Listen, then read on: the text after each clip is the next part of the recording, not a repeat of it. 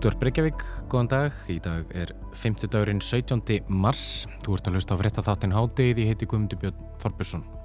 Íhaldsmaðurinn Jún Súk Jól er nýgjörinn fósiði Suður Kóriu. Súk Jól sem er nýgreðingur í stjórnmálum hafiði betur gegn efnaðarmanninum Lee Jae-myung með afar naumum meiri hluta atkvæða eftir harða og afar óvægna kostningaboratu. Nýji fórsetin er alls ekki óumdeldur og vald hans er mikið en hver er maðurinn hvaða breytingar bóða kjör hans og hvernig lítar næstu fimm árin út eða valdatíð hans? Við spyrjum Hafliða Sæfarsson, verkefnastjóra á Alþjóðasviði og stundakennara í kynverskum fræðum við Háskóla Íslands út í það í síðari hluta þáttarins.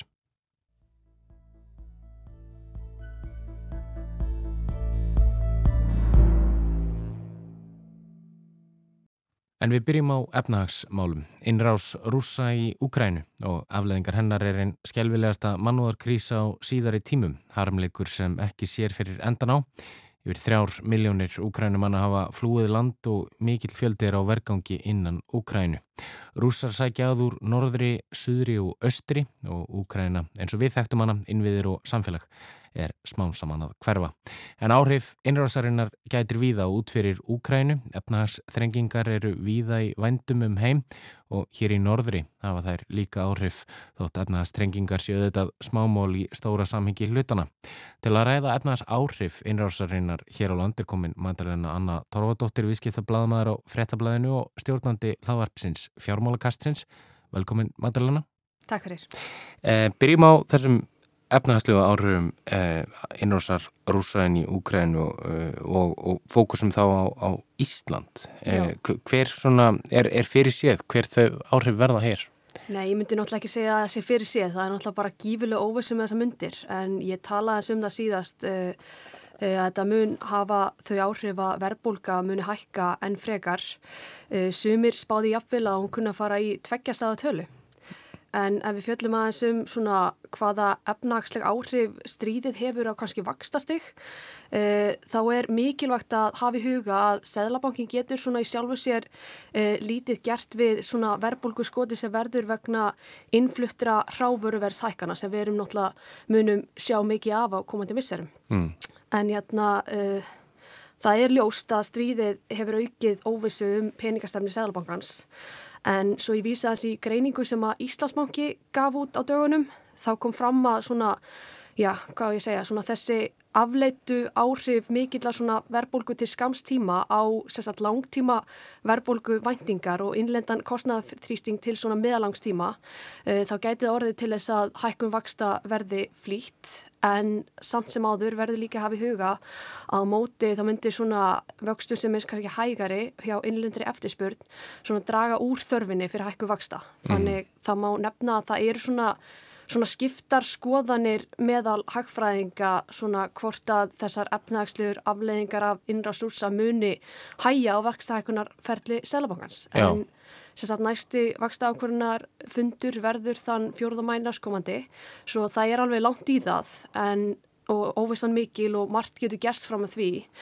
En það verður bara svona áhugavert að sjá hvað Seðlabankin gerir þar. En, en fyrir séð að verðbólka hækju þú talar um til dæmis, sko, getur mögulega við getum mögulega sér tvekkist að tölu. Það er náttúrulega rosalt, hún er, hún er stendur í hvað 6 núna, eitthvað svo leiðis, rúmlega 6 sem er að mesta sem við séð í ansið langa tíma. Já, ég held að sé algjörlega fyrir síðan að verðbólka muni hækka, bara út af, við hefum náttúrulega séð bara gífilar hækkunar húsnæðisverði líka mhm. -huh. og hérna svo líka vegna þess að innflötturu hráverðuverst hækkana. Það uh -huh. er mhm. náttúrulega bara fyrir síðan að það muni ekki gerast og það var byrjað áður en þessi innráðs hófst sko, þannig að það mun líka vera enda meira sko. Já, og það mun bara vestna með, með eh, áframhaldandi stríðsátökum. Já, algjörlega, en kannski svo ég komið aðeins inn á hérna áhrif þessa stríðs á hagvöxt en þess að í þessari greiningu Íslandsbanka þá kom fram að það séu svona mikla líkur á að hagvöxtur verði minna en ella vegna styrjusins og þessa viðbræða sem eru gegn þeim. Uh, útflutningsvöxtur gæti orðið hægari, enganeysla gæti vaxti minna mm. uh, og svo mun náttúrulega innflutta verbulgan líklega draga úr kaupmætti heimilana þannig þetta er svona þau helstu áhrif sem þetta kann að hafa hér á landi. Einmitt, einmitt. En geta, geta stjórnvöld eitthvað sko brúðist við, eh, geta þau einhvern veginn sko eh, sett fram einhvern björgunar baka, einhverjar aðgerðir sem að svona minga þetta áfall og höfum við séð það einhvers þar? Já, það er náttúrulega ímislegt hægt að gera. Sænska ríkistjórnin tilkynnti á dögunum um mótvæðisaðgerðir uh, til þess að breðast við þessum áhrifum stríðsins. Mm. Uh, þessi pakki hljóm þar upp á 14 miljardar sænskar króna eða um 197 miljardar íslenska króna. Uh, í þessum aðgerðin þá félast meðal annars lækkun á elsneitisverði hækkaðar húsalegubætur og skattalækkun fyrir bíla eigendur uh, en skattalækkun sem umræðir er tímabundin og gildir til lók oktober uh, en hvort við um að grýpa til samfærilega aðgerar þá, þú veist, þetta er náttúrulega pólitíð spurning mm -hmm. en ég er þeirra skoðunar að það væri físilegt að grýpa til skattalækkana að minnstakusti tímabundið mm -hmm. Og þessar aðgerir í síð þau eru beintengdar þessum átökum í Ukræn Já, algjörlega Já. Og, hérna... og við erum náttúrulega, sko, er ekki alveg að fara raukrið að við séum við séum kannski ísmá svona björgunar aðgerða fasaða umhverfi, við erum náttúrulega búin að, búin að vera í, í rúm tvö ár núna að standa í þessu kórnveru ruggli og það sem að stjórnveld hafa verið að, að svona letta höggið fyrir almenning og samfélagið. Við sáum það bara í kórnveru fallaldinum hversu mikil áhrif mótvæðis aðgerði stjórnveld að geta haft og það voru gífilega vel hefnaðar hér á landi, ég held að segja ótt að segja það. En jætna, og ég tel líka að þetta erði, það grýpa til einhvers konar skattalækan erði líka ágetis innleg stjórnvalda í komandi kjara viðræður og það er ljóst að þær verða mjög stremnar þar sem við erum að sjá mikið, að, eða sagt, mikla innflutta verbulgu og slíkt. En hérna, en kannski svo ég komi bara aftur inn og það er bara gífurlega óvissað með þessar myndir, það má ekki gleyma því. Þannig hvort að ég grýpa til svona einhverja svona frekari drastískra aðgerða sem eru þá umfram skattalækkanir eða eitthvað slíkt þá til ég að væri kannski bara gott að býða og sjá að það er gífilega óvissum þessar myndir mm -hmm. uh, og sem sagt voru við ekki að sjá einhver frettir af því í gæra að friða viðræður eru mjög að stafram og maður, að maður ekki bara vonaða besta vonaða þetta leysið sem fyrst. Jú, að sjálfsög, að sjálfsög gerum við það. En, en við skulum uh, venda okkur hvaði gross og, og, og fara aðeins yfir í, yfir í önnur mál. Um, það liggja núna Það leikja núna fyrir þinginu frumvarpsdraugum að auka heimildir lífeyrisjóða til fjárfestinga í erlendum gjaldmiðlum. Hvað þýðir þetta fyrir, fyrir leikmannin? Hvað, hvað fælst í þessu frumvarpi? Já, Þessi frumvarpsdraug byggja á skýslu sem Már Guðmundsson, fyrverandi selabankastjóri skilaðin til fjármálar á þeirri síðasta mánuði. E, svo ég talaði um hvað er í þessum frumvarpsdraugum, e, þá kemur fram að fjárfestingathag lífverðisjóðan í erlendum eignum verður hækkað úr 50% í 65%. Uh, þessi breyting á að taka gildi í svona 15 jafn stórum skrefum á áraunum 2024 til 2038. Uh, Kanski svo ég segi bara að það er í eðlið sínu mjög gott að það sé verið að skoða leiðir til þess að auka heimildi lífverðisjóðuna til þess að fjárfesta Erlendis. Uh, það sem þetta er, hefur verið svona verulega íþingjandi fyrir sjóðun og þeir hafa lengi talað um það.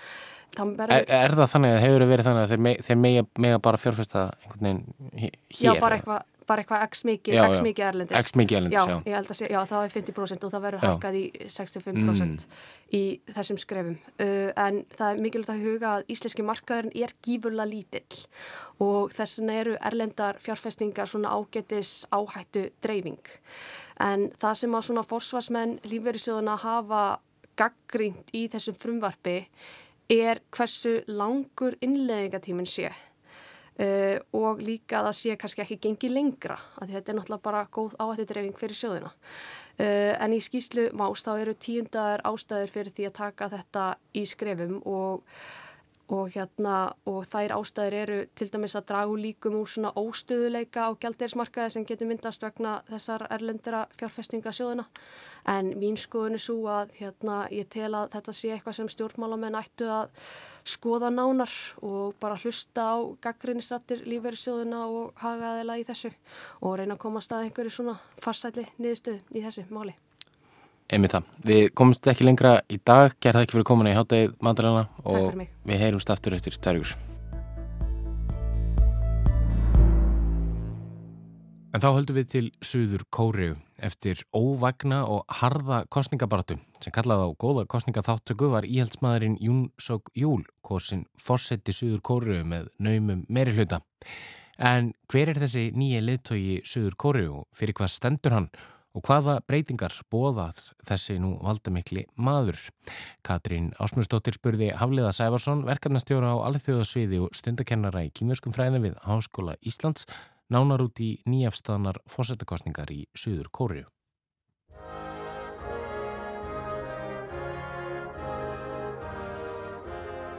Jún Sjúkjól er mm, láfræðingur og saksóknari sem hefur getið sér gott orð fyrir að lögsækja stjórnumálamenn og mjög hátt setta menn í vískittarlífinu fyrir spillingu.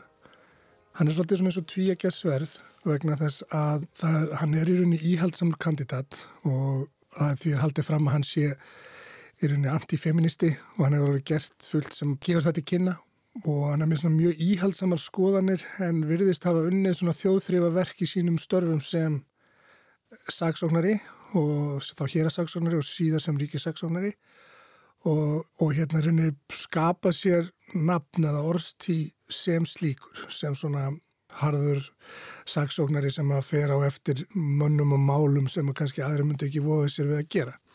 Hann var frambjóðandi í Íhaldsflokksins og reynir kemur að, að Íhaldsreifingunni þannig að sko, ef þú skoðar hann þá þá er hann kannski svona minnir svolítið á Trump, hann er svolítið svona brattur með sterkar íhaldskoðanir þannig að þú veist uh, hlutur konur í samfélaginu uh, hann vil sterkara varnasamband við bandaríkinn og maður er margt svona sem gefur til kynna hann, hann sé svolítið svona brattur íhaldsamur hægri sinnaður leðtögi uh, en síðan kemur það á móti í rauninu sko að hann er þessi fyrirverandi ríkisaksóknari sem að hefur komið í vekk fyrir spillingu, frekar heldur en að láta hann að grassara. Það eru margar áhugaverðar hliðar á honum og ég held að svona flestir stjórnmálaspekulantar spáð því að, að hann muni hérna, mjög fljóðlega falla þetta sama form og, og fyrirverandi suðkóriski fósittar, sérstaklega hvað var þar þú veist málefni Norðakóri, varandi efnahægin, varandi varnabandalagi við bandaríkin og sambandi við Japan. Að, að það mun allt falla í ljúfa löð.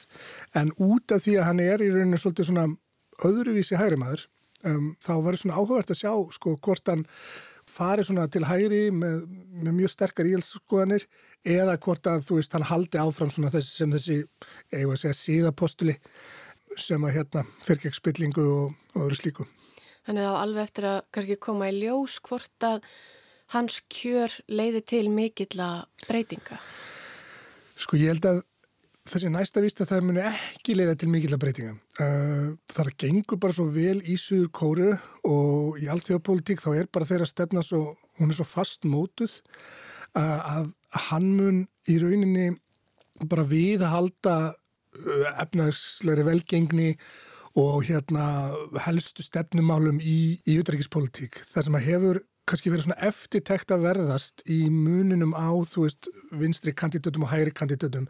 Og í Suðkóru þá, þá skiptist það í rauninni þá sem eru meira hliðhóllir undir sko einræðisherrana sem voru þarna fram til 1988 þegar olimpíuleikarnir voru haldnir í Seúl.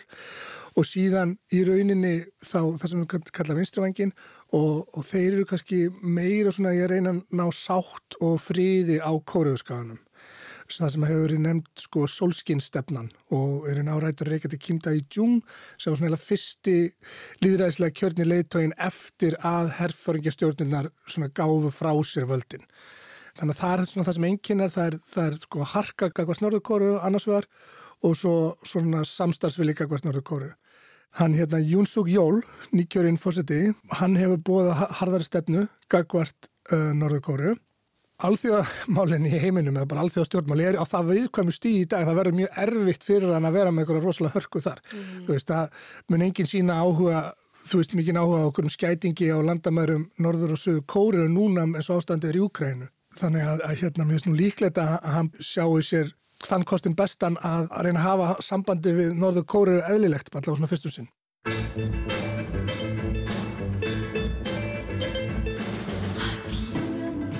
kostningabaráttan það gekk vist á ymsu í henni. Já, sko, ég fæðar ósláð sterklega á tilfinninguna að fjölmiðlar í Suður Kóru séu alveg ofsala hefur. Mm. Uh, vegna þess að þeir náða að fletta ofan af nokkrum hneikslismálum, sérstaklega hjá mótarinnum uh, Lee Jae-myung sem að uh, var eftirmaður og átti að verða eftirmaður fyrirvændi fórseta sem er núna stíga frá völdum Moon Jae-in að það náðist til dæmis á segulband einhver svona blódræða hans um mótarja sína sem að þótti mjög ljót. Og það, það þótti svona, ég held að það hefði komið sérstaklega illa við sögur kóramenn vegna þess að sko fyrirvændi fórsti Moon Jae-in hann var sko af uh, gríðarlega svona friðsamur maður og, og hérna það var hann sem að koma á þessum samræðin við Norður Kóru, við Kim Jong-un líka fundum Donald Trump við Kim Jong-un, þannig að hann var virkilega svona fríðar umleitandi svona rólegur sannkristinn maður mm -hmm. uh, sem var komin af norðurkórskum inflytjendum þannig að svona, hann hafi brotist til hæstu metorða þannig að það var rosalega fallið saga á bakvið hann og svona almenn sátt sem ríkt um hann. Svo kemur frá hans flokki þessi mótframbjóndi sem að tapaði síðan kostningunum og bæði sko konan hans, uh, hún var vist búin að gefa það út að, að ef hann er í kjörin að þá er þið farið gegn þessu manni sem er núna búin að vinna, gegn saksóknarinnum uh, þannig að það, það svona gróf gríðala undan hans frambóði en síðan nýkjörin fósti, Jún Suk Jól uh, hann svona meira var bara að gera mikil mistök í upphafi kostningabarátunar til dæmis um, að segja sko það væri ekkert kynja ójabrétti í Suðu Kóru sem að fyrir hvert sem kemur ánga þú, þú, þú vart vallast í út af flugvelinni þá fyrir að taka eftir, eftir því og svo líka já hann bara átti að til að koma með svona eitthvað fáránlegar yfirlýsingar um einhver pólitísk mál sem voru bara mjög gamaldags og reyndist síðan ekki vera, vera neinn stóð fyrir. Hann er kannski svolítið óreindur pólitíkus í rauninni. Já, sem er alveg ótrúlegt miða við ferilskrána hjá hann að, að hann uh, skuli gera svona mistök. Mm og það er náttúrulega að vera spennend að sjá þú veist, fyrstu mánuðin og fyrstu árin í ennbætti. Þeir sitja bara eitt ennbætti fórsettar Suðkóru, eitt fimm ára ennbætti þannig að það er þessi rosalega skipting. Þannig að svolítið, maður þarf svolítið að hafa sér við við að fylgjast með svona úr fjarlægð. En síðan er svo mikið sem gengur á sérstaklega sko mér taldist til að þetta væri ykkur 6-7 fórsetar sem hafa verið líðræðislega kjörnir eftir að herfóringastjórnin steg frá völdum síðan 88 og þar af sko hafa tveir í rauninni bara verið settir í fangilsi eh, eitt fram til sjálfsmorð eftir að, eftir að hann var sagaður um spillingu. Eh, þannig að þú veist um, svona eftir lífið hjá fórsetum í Suðu Kóru er ekkert sérlega gott. Það, það, þetta er eins og mm -hmm. til dæmis sko herfóringin sem var þarna lengst við völd uh, hann hétt Park Chun-hee uh, og hann var myrtur af yfir manni örgistjónusna 1980 sem verður dóttir hans uh, fósetti 2013 og hún var í rauninni flæmt frá völdum vegna þess að hún hafði átt verið með aðstofamenn sem hafði í rauninni komist í kynni við hana þegar hún missi pappasinn og þetta eru svona, þetta eru búttistar, halgeri galdramenn, kynntir þannig og, og sérstaklega eitt er að hafði gríðalega áhrif á hana og það kom bara í ljósa að, að, að hérna, Suðkóresk fréttastöð fyrir fundu spjaltölunanar á hótel í Þískalandi og komust inn í hana og þá bara kom í ljósa að hún var að láta þennan halgera galdramann lesa yfir ræðurnar sínar og hérna bara, hann var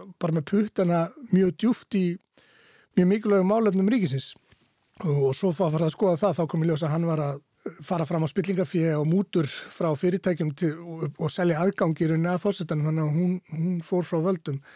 Þannig að hérna, þú veist þessu ótrúlega, ótrúlega sögur sem gerast á þessum fimm ára tímabilum Já. þegar fórsetandin eru.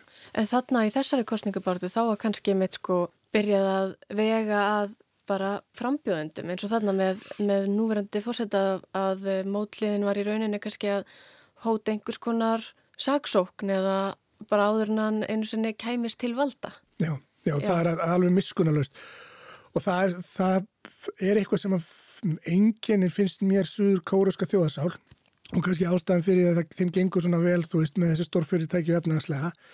Þeir eru ofsalega flinkir í að búa til flotta farsíma og flotta bíla og, og, og reysastór skip og bara yðnaðarlega er þeir gríðalega framalega en þú nærið náttúrulega ekkert svoleiðis árangri nema að vera bara með rosalega stramt þjóðfélag. Mm. og þetta var náttúrulega undir herfóringastjórn bara rauninni frá því eftir stríð fram til 1988 þannig að svona í verksmiðum hjá þeim og í bara fyrirtækja menningu það ríkir almennt herægi. Og þú getur ímyndar ef það er herægi innan, innan stórfyrirtækja og kannski innan stjórnmálaflokka og annað slíkt, að þá er náttúrulega samkeppnin þegar að kemur að kostningabaratu mjög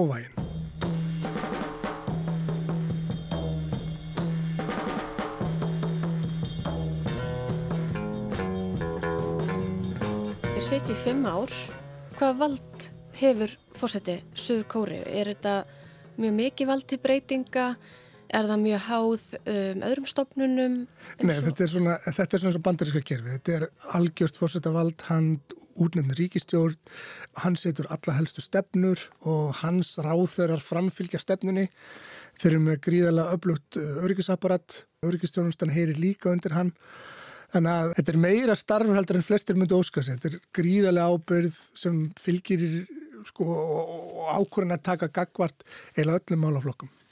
Ég er ekki vissum að hann sé í rauninni tilbúin og sé kannski búin að fastmóta sér þá stefnu sem hann þarf að hafa í svona mörgum málum en mér skilst að það sé þannig að þegar þeir fari inn í kostningabartuna þá eru ráðgjafar og, og hérna rauninni þeir sem eru í einstar ring, þeir í rauninni taka þá ábyrða á hvernig málaflokkum og stefna þessara ráðgjafa í þeim málaflokkum verður svo stefna fórsetans. Þannig að hann er ekki einn í þessu.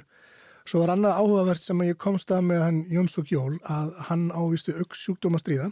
Eh, þannig að hann er með eitthvað sjónlagsmismun, þannig að það er erfitt fyrir hann að fókusa og hann er til dæmis ekki með bílpróf. Þannig að það háir honum en mér finnst það ótrúlegt með að við hvað hann gengi vel sem saksóknara og ríkisaksóknara og hérasaksóknara uh, hvað hann hefur henni náðlánt uh, og það var mjög áhört að sjá hvernig, það, hvernig frem í segir.